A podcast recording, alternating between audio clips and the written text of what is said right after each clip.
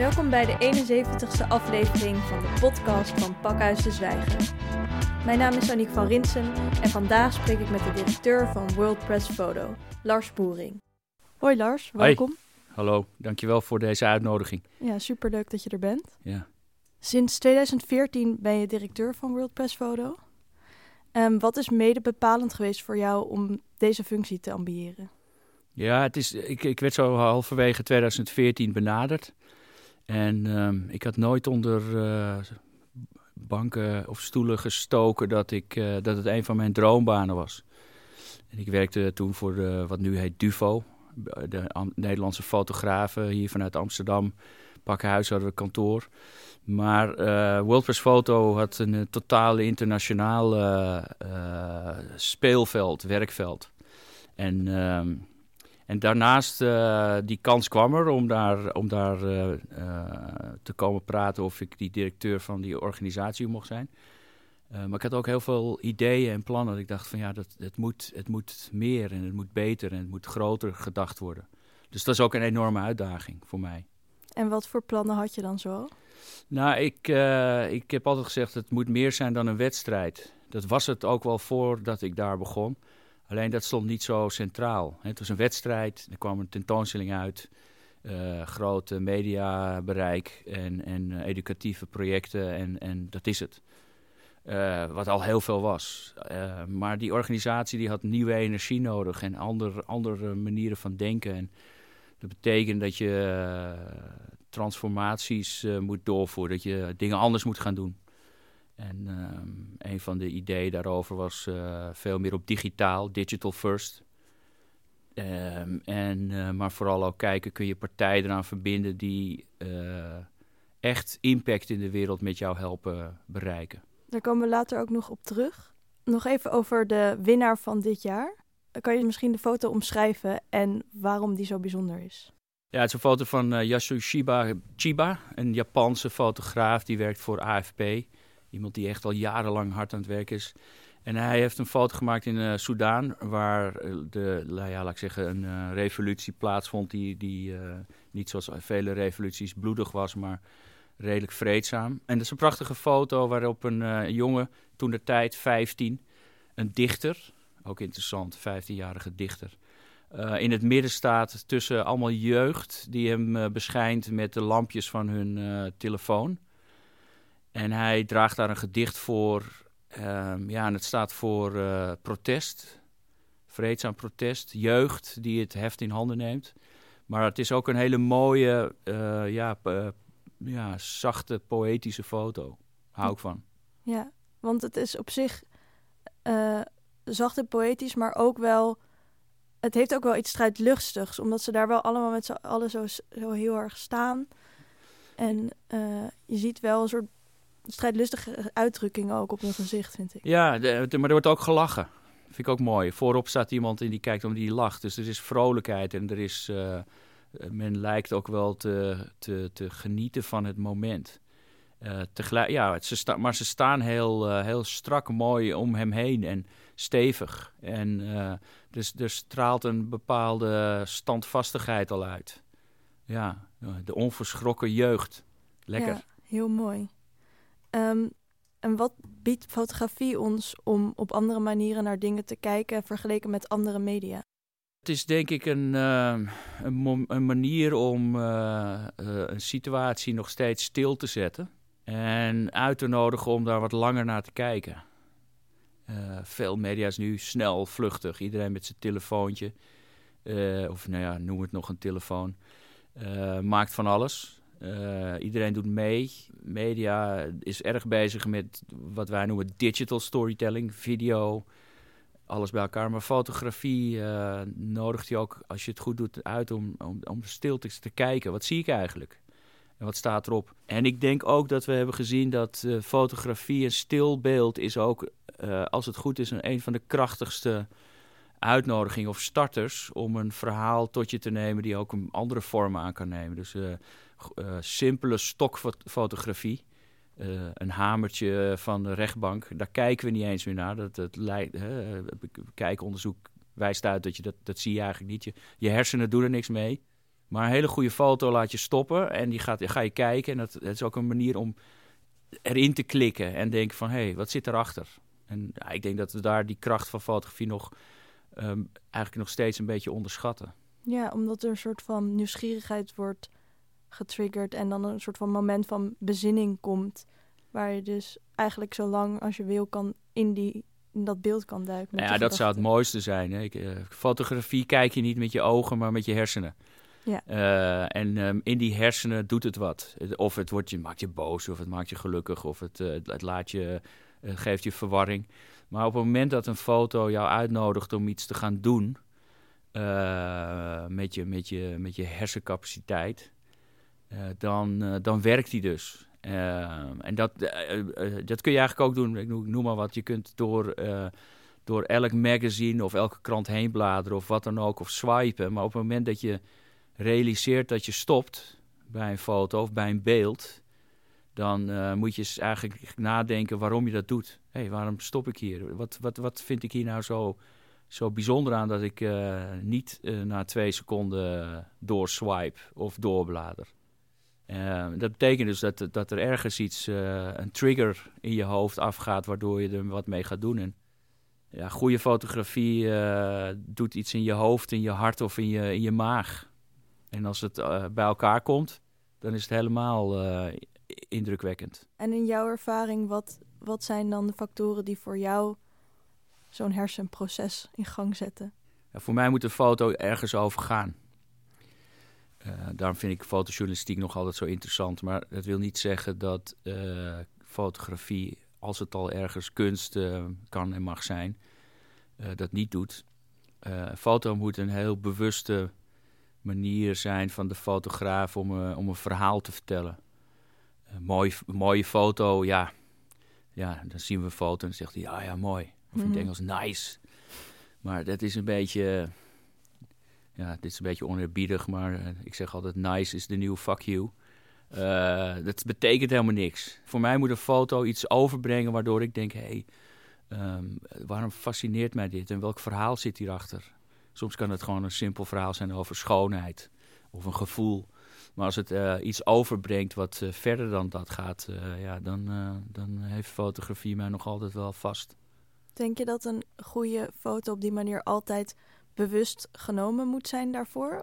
Of denk je dat je ook soms toevallig een heel interessant beeld kan schieten? Ja, iedereen kan toevallig mooie dingen doen en mooie dingen creëren. dat is leuk.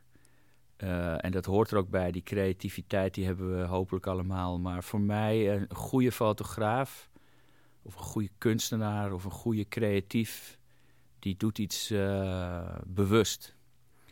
Uh, dus iedereen denkt dat fotografie makkelijk is. Maar fotografie is eigenlijk heel moeilijk.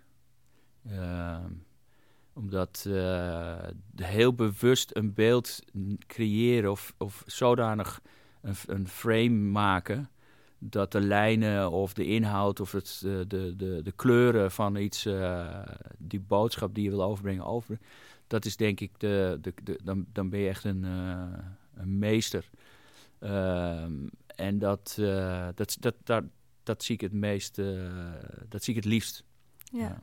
Iedereen, iedereen fotografeert, maar niemand is er erg goed in.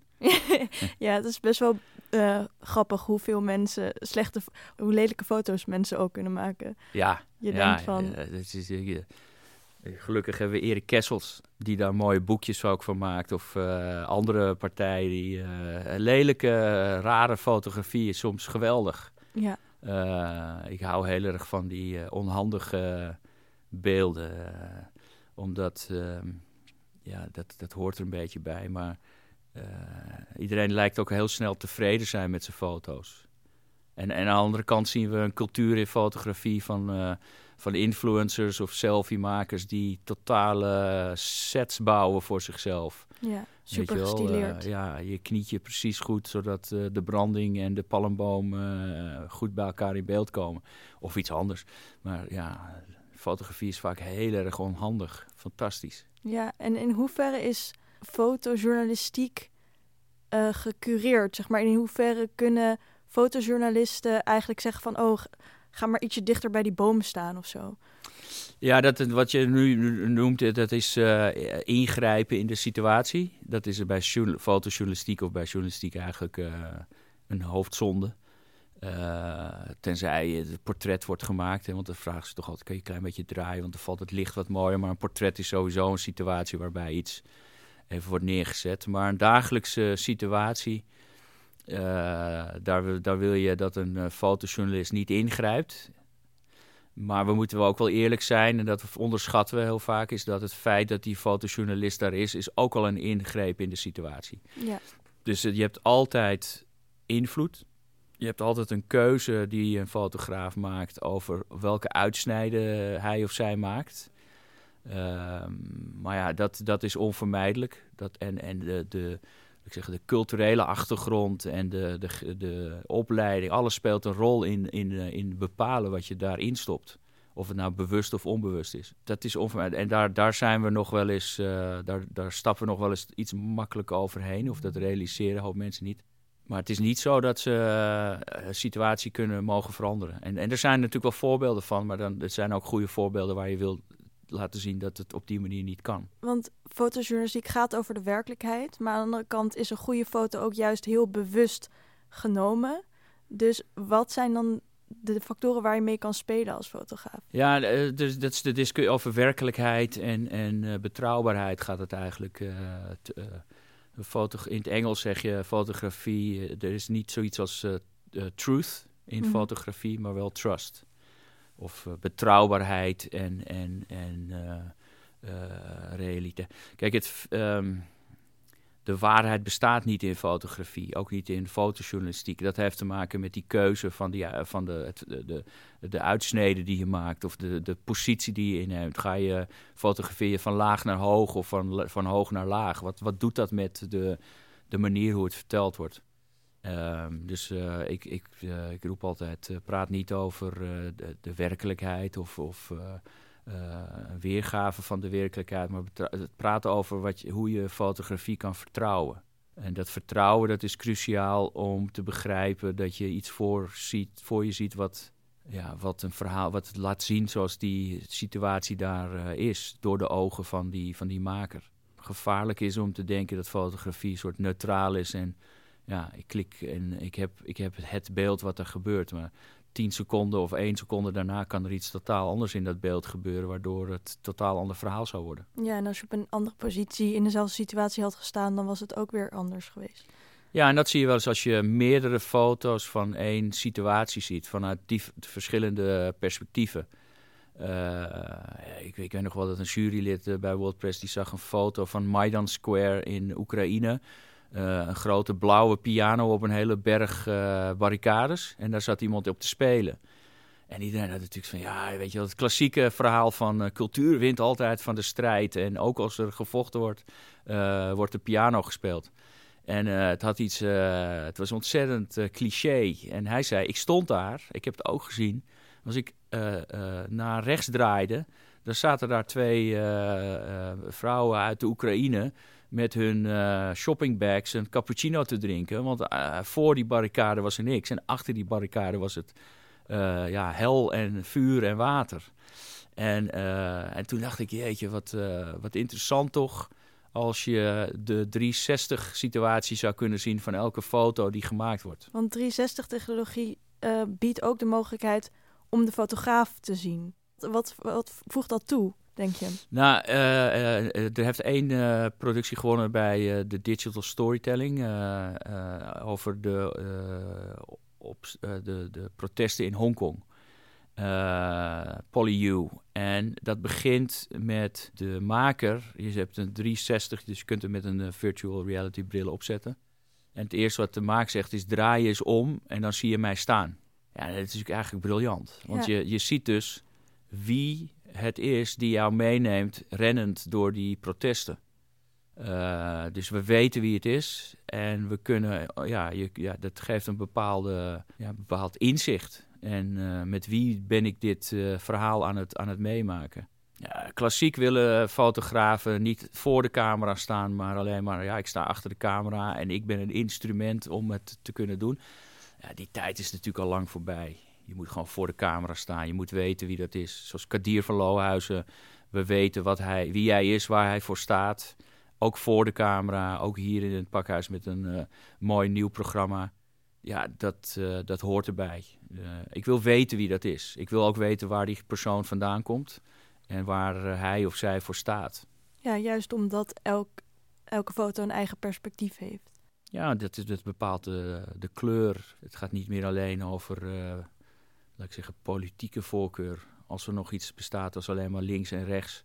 Maar het gaat ook over. Uh, ik heb liever dat ik een verhaal uit Bangladesh zie gemaakt door een, fotograaf uit Bangladesh.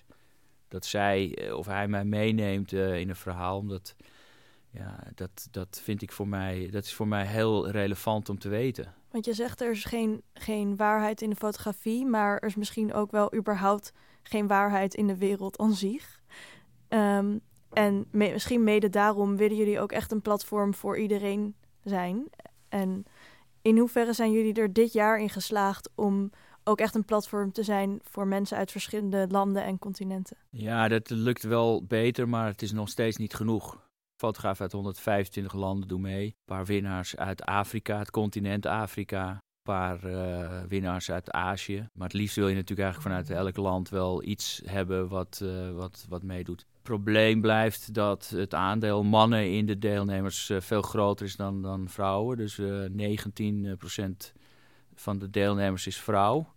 Dat is wel gegroeid in de afgelopen jaren omdat we een enorme campagne daarop voeren. Maar het blijft gewoon toch hangen en, en ergens zul je daar iets aan moeten doen. Als je echt wil die na, dat, dat woord in je naam world wil representeren, dan moet je daar gewoon op doorzetten. En Um, dat kun je doen door zoals we het nu hebben gedaan. Maar soms denk ik ook wel eens van ja, er moet gewoon eigenlijk een veel duidelijker statement komen. In die wedstrijd zou je daar ook uh, gewoon echt actief op moeten inzetten of sturen. In al onze programma's die wij doen, moet het minimaal 50% vrouw, 50% man zijn. Maar in ieder geval 50% vrouw. Waarom? Omdat uh, die positie van vrouwen in de journalistiek niet goed is. Als wij programma's draaien, willen we twee mensen uit Azië, twee uit Europa, twee uit Afrika, twee uit Zuid-Amerika. Man, vrouw. Dus het is een, voor ons een matrix waar we op werken. En uh, wat heel veel energie kost om, om, uh, om goed te krijgen. Het is makkelijk op een gegeven moment denken, nou ja, weet je wel, la, laat die maar zitten. Nee, gewoon doorzetten. Ja, dus dat is een, best wel een, een Want hoe onderneem gevecht. je daar dan stappen in? Nou, dus door het voor jezelf vast te stellen hoe je het wil doen. He, dus je moet oppassen dat je geen spreadsheet gaat maken waarin de hele wereld en alle uh, jong, oud, man, vrouw, uh, seksuele geaardheid. Ik bedoel, heel veel dingen kun je al rekening mee houden. Uh, maar ja, dat die, die, die, um, die representatie van mensen uit de hele wereld kun je, heb je in de hand. Gender heb je in de hand. Uh, dus die zijn, die Hoe zijn, heb je dat dan in de hand? Nou, door, door jezelf te dwingen dat uh, in balans te krijgen als je met mensen werkt. We hebben mensen die uh, nomineren talent voor onze talentprogramma's. Ja, dat was tot twee jaar geleden een ongelooflijke grote groep van, daarvan kwam uit West-Europa en Amerika. Ja, dus daar keken we naar en toen zeiden ja, dat is toch eigenlijk raar. Want dat betekent dat er eigenlijk de kans dat we mensen uit West-Europa of Amerika daarin komen... vele malen groter is. Veel mannen. Dus op een gegeven moment hebben we dat omgegooid. En uh, tot groot verdriet van mensen die er natuurlijk al jaren in zaten... en een hoop mensen die daarin willen in die groep... hebben we gewoon keihard gezegd... ja, we gaan het, uh, we gaan het in balans brengen in, met de wereld. En naarmate we meer mensen vinden uit uh, delen van de wereld... waar we te weinig nominatoren hadden... als dat groeit, dan kan de andere kant ook wel weer groeien. Maar tot die ja. tijd... Ja, sorry. Ja. of niet eens sorry, ik bedoel, zo doen we het. Ja, precies. Ja, dus je moet af en toe vechten tegen de bestaande status quo en dat is goed. Maar is het dan zo dat het pas recentelijk eigenlijk zo is dat, dat er een, een wil is om die status quo echt te veranderen? Of dat het echt doordringt dat die status quo zo hardnekkig was? Ja, bij World Press Photo is het, uh, het doorgedrongen en, en doorgevoerd. Misschien was die bewustheid er al langer van. Uh, fotografie is heel erg gedomineerd jarenlang vanuit West-Europa, Amerika. Het is ook bedacht uh, of, je nou, of het nou in Engeland is of in Frankrijk. Maar je moet weten waar het vandaan komt als je het ook wil gaan veranderen. En er is grotere bewustzijn gekomen. Er zijn ook actieve groepen die voor bepaalde verandering vechten. Women Photograph is een groep vrouwen die zegt... ja, het aantal vrouwen in de media moet omhoog.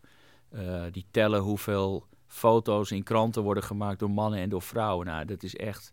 Om te huilen. Ja, dat is schandalig. Uh, dus iedereen weet het, maar wie doet er dan wat?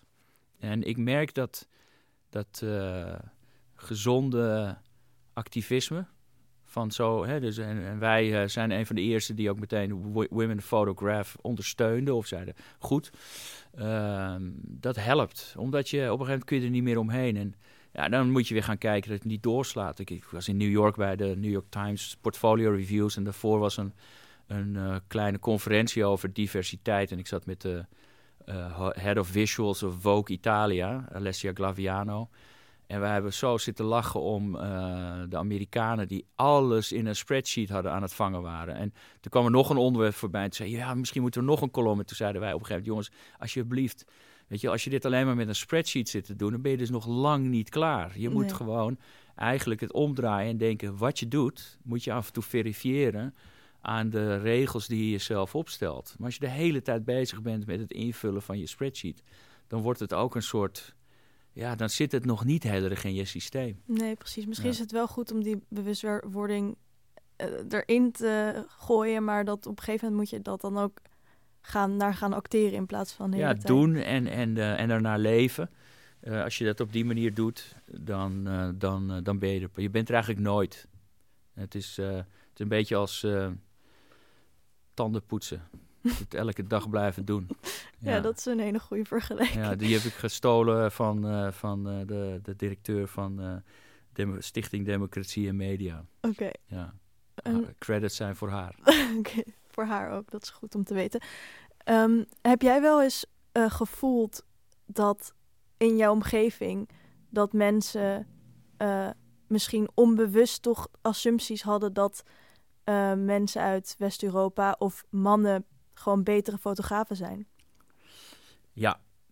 ja, heel veel heb ik dat in mijn omgeving gezien. En hoe ziet dat eruit? Of wat, of wat voor subtiele manieren uitziet nou, dat? gaat heel onsubtiel. Oh, echt? nou, ik weet nog wel, dat was in Nederland, dat ik... Uh, ik begon toen, uh, dat heette toen nog Fotograaf-federatie, maar het is nu DUFO. Uh, vertegenwoordig van fotografen. En ik, ik stel de eerste vraag aan de mensen die daarbij betrokken waren. Weet jullie hoeveel fotografen er eigenlijk ingeschreven zijn in Nederland? Het bleek ongeveer drie keer zoveel te zijn als dat ze gedacht hadden. Ehm, toen was het, ging het al gauw over de discussie... hoe komt het dat het zo moeizaam is... Nou, dat komt omdat er heel veel zijn. Maar er was gewoon iemand die zei: uh, Ja, dat komt omdat die huisvrouwen ook een camera kopen bij de mediamarkt. En die gaan ook een beetje meelopen doen. Mm. Nou, ik zei, uh, ik zei: Ja, jeetje.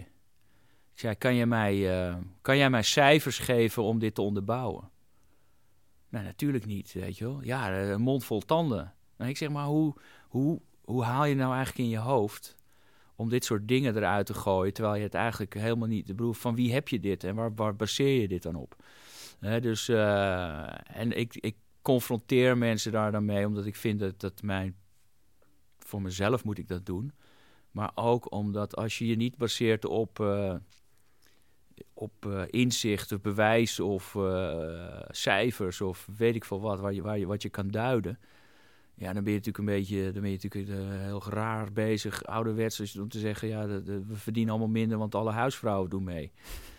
Dus ja, toen ben ik natuurlijk heel erg gaan zoeken naar een, uh, een, een, huisvrouw die professioneel fotograaf was geworden en succesvol. En die vind je dan ook. Dus dan denk je, ja, mooi. Het is natuurlijk heel goed om een voorbeeld te vinden waarvan je zegt, ja, kijk hiernaar en, uh, en, en je denkt er anders over. Hypothese dus, on, uh, ongeldig. ja, probeer het, uh, probeer het andersom te laten zien. Maar laat mensen ook vooral nadenken over hetgeen wat ze zeggen. Dus dat was wel misschien de meest extreme voorbeeld. Maar ik merk het ook, ik maak me heel sterk internationaal voor de positie van vrouwen in fotografie. Dat merk je ook dat je tegen een bastion van nou ja, mannen oploopt die daar natuurlijk eigenlijk, uh, die vinden het allemaal maar onzin, weet je wel. En dat moet jij toch met die vrouwen. Ik zeg, nou, ik moet niks met vrouwen, maar die vrouwen moeten wel wat met ons. En, jij moet er ook iets mee, want het klopt gewoon niet. Hè, dat, het, uh, dat het altijd mannen zijn die erop uh, op worden uitgestuurd. Ja, want het is, het is gewoon wel een dominant narratief, denk ik, dat mannen eh, heel veel dingen beter zouden kunnen, denk ik. Maar ook waarschijnlijk fotografie. En het is een hele persoonlijke vraag. Maar heb jij wel eens, misschien ook in je jeugd, de assumptie gehad dat mannen daar bijvoorbeeld beter in zouden zijn? Ja, tuurlijk. Ja. En wat. En, Dan eh, moet je eens voor jezelf eh, zien, inzien op een gegeven moment dat dat, dat dat ook in je zit.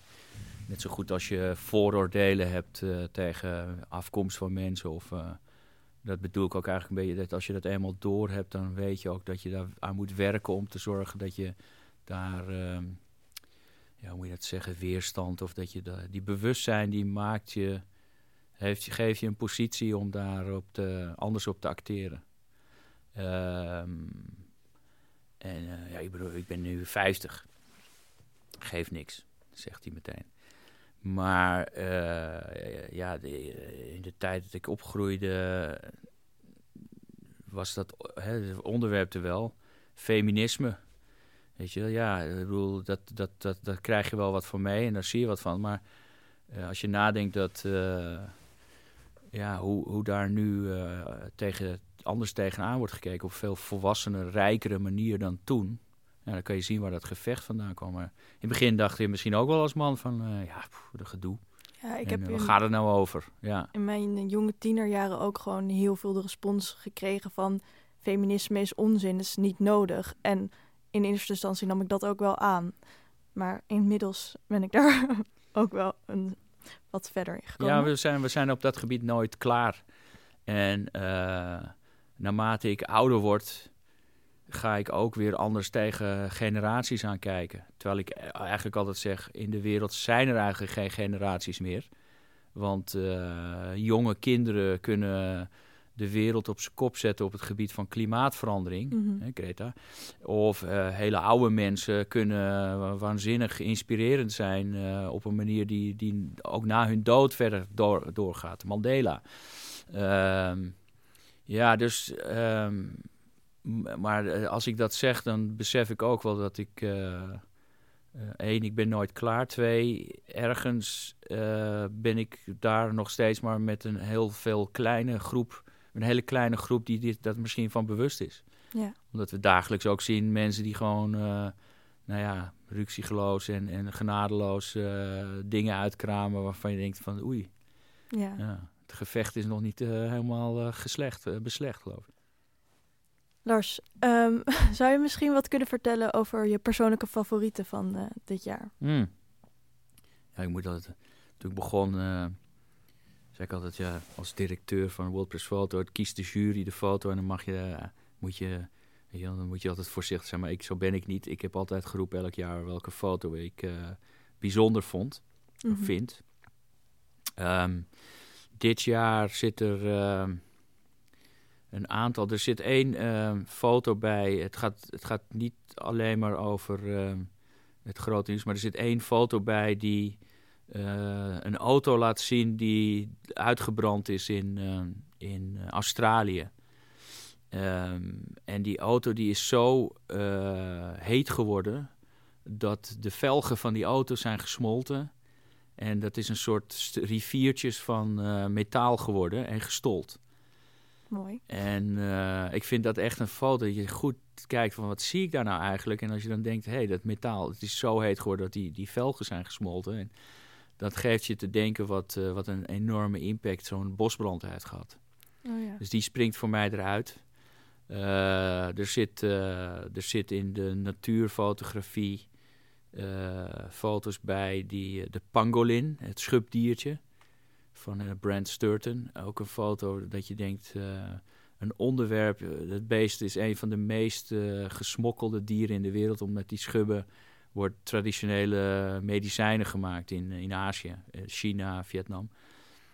Uh, tegelijk is het nu ook een van de, waarschijnlijk een van de dragers van het COVID-19-virus. ja. dus dat vind ik ook wel weer mooi hoe zo'n verhalen smokkelen uh, de, de wereld bij elkaar komt en voorziet eigenlijk uh, zo'n verhaal van, van achtergrondinformatie. Ja, en met wat moet de mens met al die rare diertjes? Ja, waarom gaan wij nou weer schubben vermalen en denken dat we daar uh, medicijnen van kunnen maken, terwijl bewezen is dat het niet werkt. Ja. Nou ja, het is, het is wat dat betreft blijft de mens natuurlijk een raar wees. Er zit één hele, hele heftige foto bij van neonazies in Amerika. Die op de verjaardag van Hitler een uitje hebben op een boot en daar met hun tatoeages uh, uh, de Hitlergroet brengen. En dat is echt een foto dat als mensen het zien, dat ze echt denken van, wat is dit en waarom moeten we dit zien? En uh, kan, dit wel?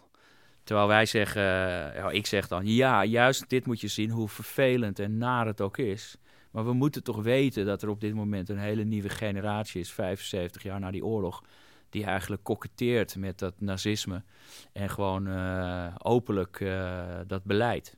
Ja, dat zijn die, de, de, de moeite. Dus ik vind, niet zo'n, ik vind niet zo'n fijne foto en ik vind ook niet zo'n hele mooie foto, maar ik vind het wel een ontzettend relevante foto. Je wil ook dat WorldPress Foto fungeert als een platform waarbij relevante mensen samenkomen om de actuele zaken in de fotojournalistiek en fotografie uh, in kaart te brengen. Is dat onder andere de reden dat je het World Press Photo House hebt geopend op het Westergasterrein?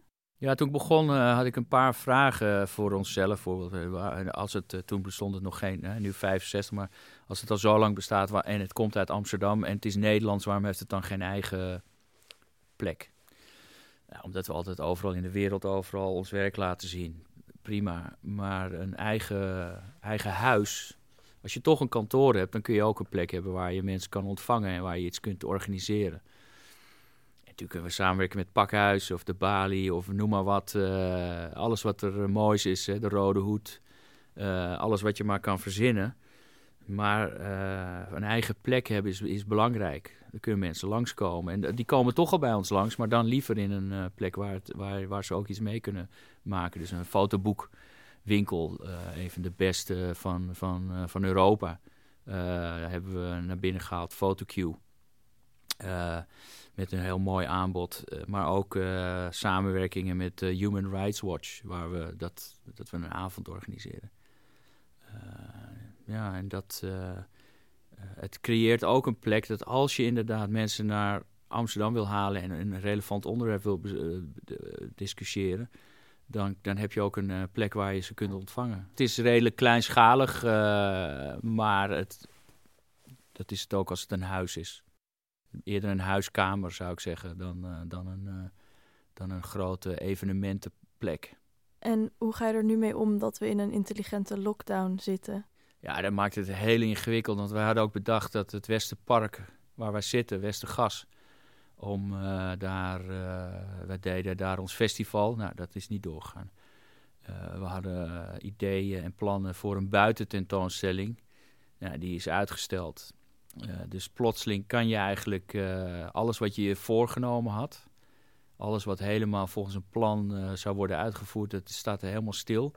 En het is maar net de vraag of we er eigenlijk überhaupt nog aan toekomen in de komende twee jaar hopelijk korter. Maar we, we, we, weten het gewoon niet. En, um, dus dat betekent dat we nu ook uh, gaan kijken, kunnen we dat programma wat we hadden bedacht voor het festival, waar we twee dagen over deden, kunnen we dat omzetten in een wereldwijd uh, programma wat uh, online plaatsvindt. Laten we daar maar gewoon eens mee beginnen.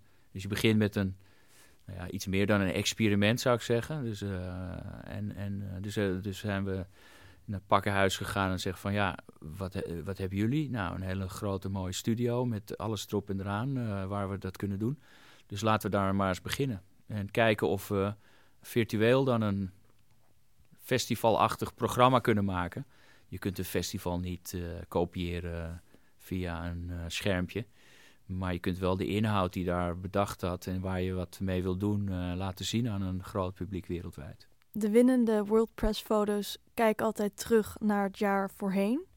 Maar kijkend naar de toekomst, wat kunnen we verwachten? Gaan we volg volgend jaar allemaal foto's zien van uitgestorven steden of allemaal ingepakte verplegers op de IC? Ik ben bang van wel. Ik hoop niet dat die steden uitsterven. Maar het is lege straten. En uh, ik denk dat er ongelooflijk veel fotografen zijn die die lege steden aan het fotograferen zijn. Ik moest lachen. Mijn twee zoons, die nam ik gisteren mee op de fiets vanuit Eiburg naar, uh, naar de stad. De oudste is 17 en de jongste is 14. En die jongste die wilde die lege stad laten zien. En, uh, en dan kom je op de Dam. En dan denk je dat die leeg is, maar het staat eigenlijk vol met fotografen die uh, een lege dam aan het fotografen zijn. Sommige ken ik ook en ik moet ontzettend lachen en ik begrijp het ook voorkomen. Maar hoeveel foto's van een lege dam hebben we nodig? Ja, we, we gaan denk ik bij WordPress Foto heel veel foto's zien van verpleegsters, ver, mensen met mondkapjes, ambulances op de straat.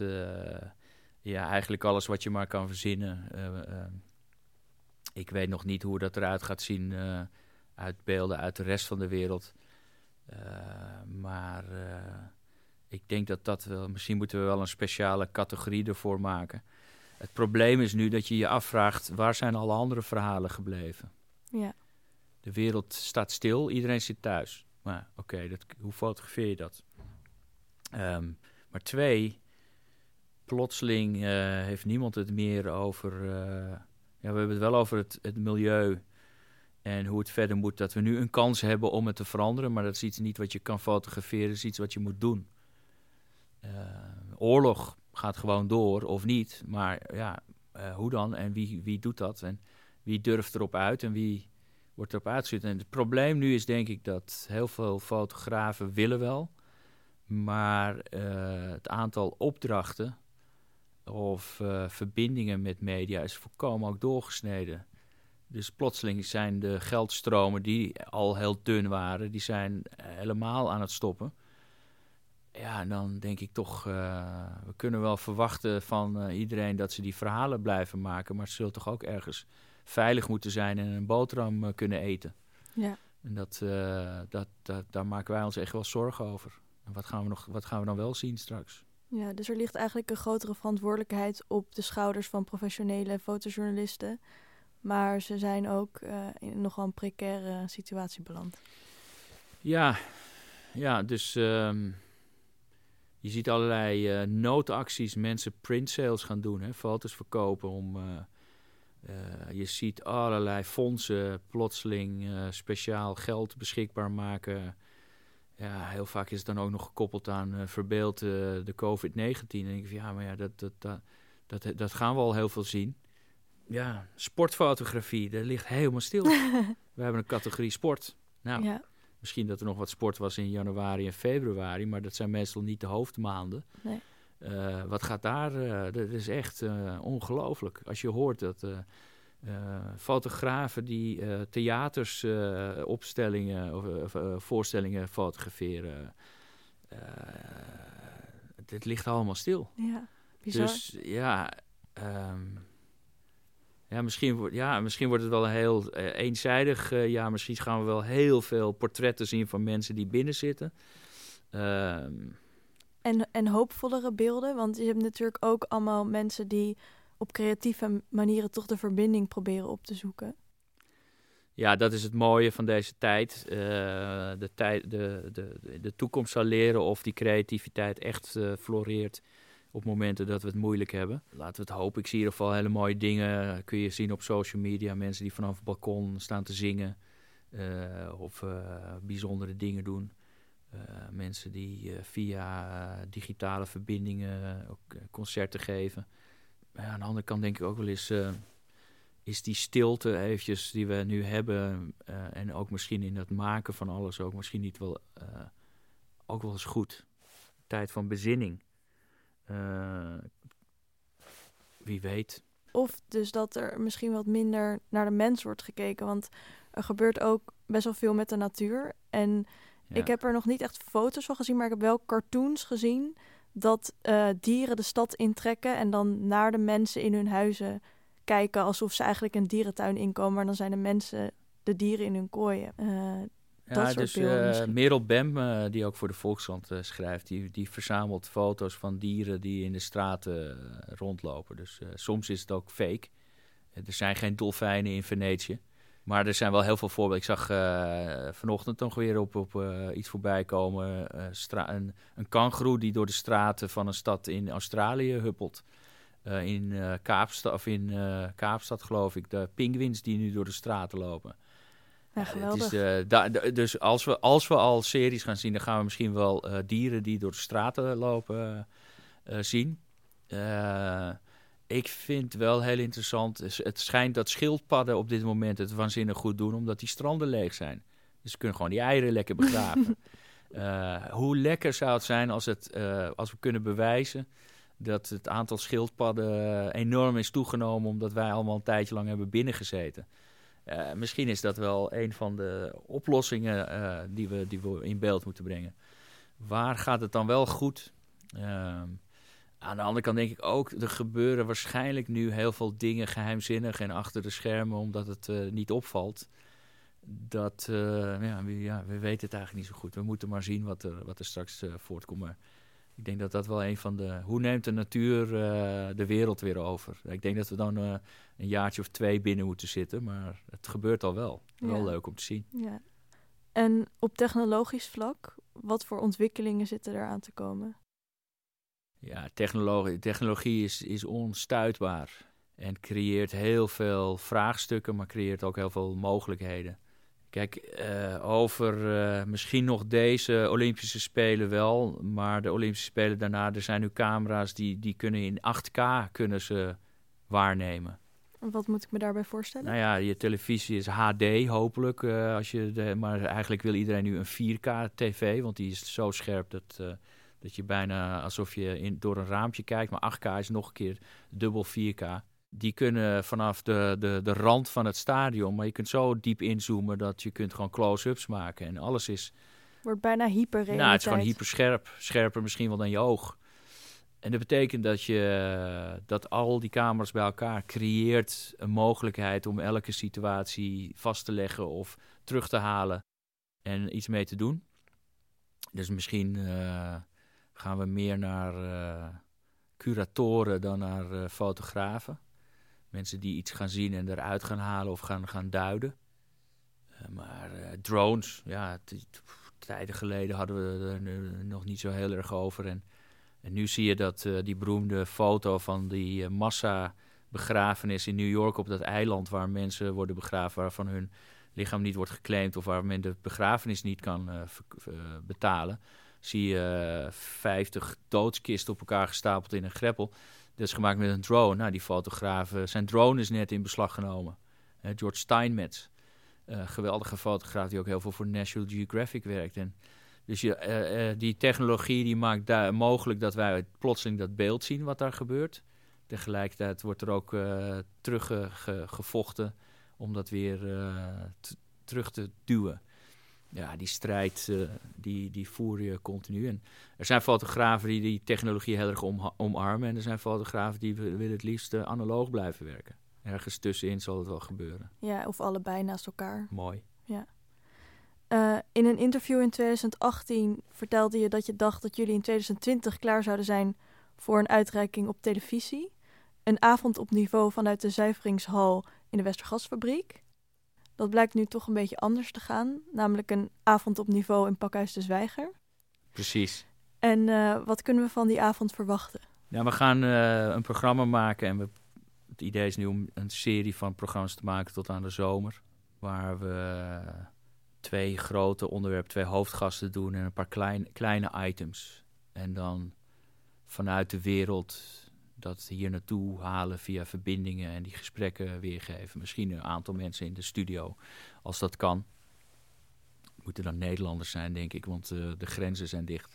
Maar uh, uh, en, die, en de, die, die, die, die opstelling van, uh, van zo'n zo'n programma moet ook die diversiteit laten zien. Mannen, vrouwen, creatieve fotografie, verhalen die relevant zijn, maar niet per se journalistiek zijn verteld, maar ook toch betrouwbaar zijn. Dus we hadden al voor ons festival, uh, dat, ging, dat was geen foto's, festival voor fotojournalistiek. Dat ging gewoon over visuele verhalen vertellen en dat gaan we hier uh, toebrengen. Dus uh, een Ethiopische fotograaf die de, een prijs heeft gewonnen met zijn serie van uh, rouwende mensen in Ethiopië bij, de, bij het vliegtuig wat zich daar in de grond heeft geboord. Ja, die wil ik wel uh, uitgebreid aan het woord laten. Hoe is het om zoiets te maken? Hoe, uh, hoe, hoe ben jij als Ethiopische fotograaf? Hoe sta jij in dat wereldtoneel van, van fotografie? Ja, en ik denk dat dat Ik denk dat we ook een aantal gasten zullen hebben met een enorme volg, aantal volgers op social media. Het is ook interessant om te zien of je dat mee kan nemen in het aantal mensen wat zo'n programma gaat bekijken. In ieder geval willen we teruggeven uh, wat we voor ogen hadden uh, vanuit dat festival, vanuit die awardshow. En laten we het dan maar met een veel groter publiek wereldwijd delen en kijken hoe ver we komen. Ja, super mooi. Ja. Het komt eraan, donderdag 30 april. Heel veel dank voor je komst, Lars Boring. Dankjewel. Beste luisteraars, dit was de 71ste aflevering van de podcastserie van Pakhuis de Zwijger. Wil je meer weten over dit onderwerp? Kijk dan op donderdag 30 april aan het eind van de middag mee met World Press Photo House via zwijger.nl/slash live. Een rating achterlaten of je abonneren op deze podcast kan via SoundCloud, Spotify, iTunes of een ander podcastplatform. Dank voor het luisteren en tot de volgende keer. Thank you.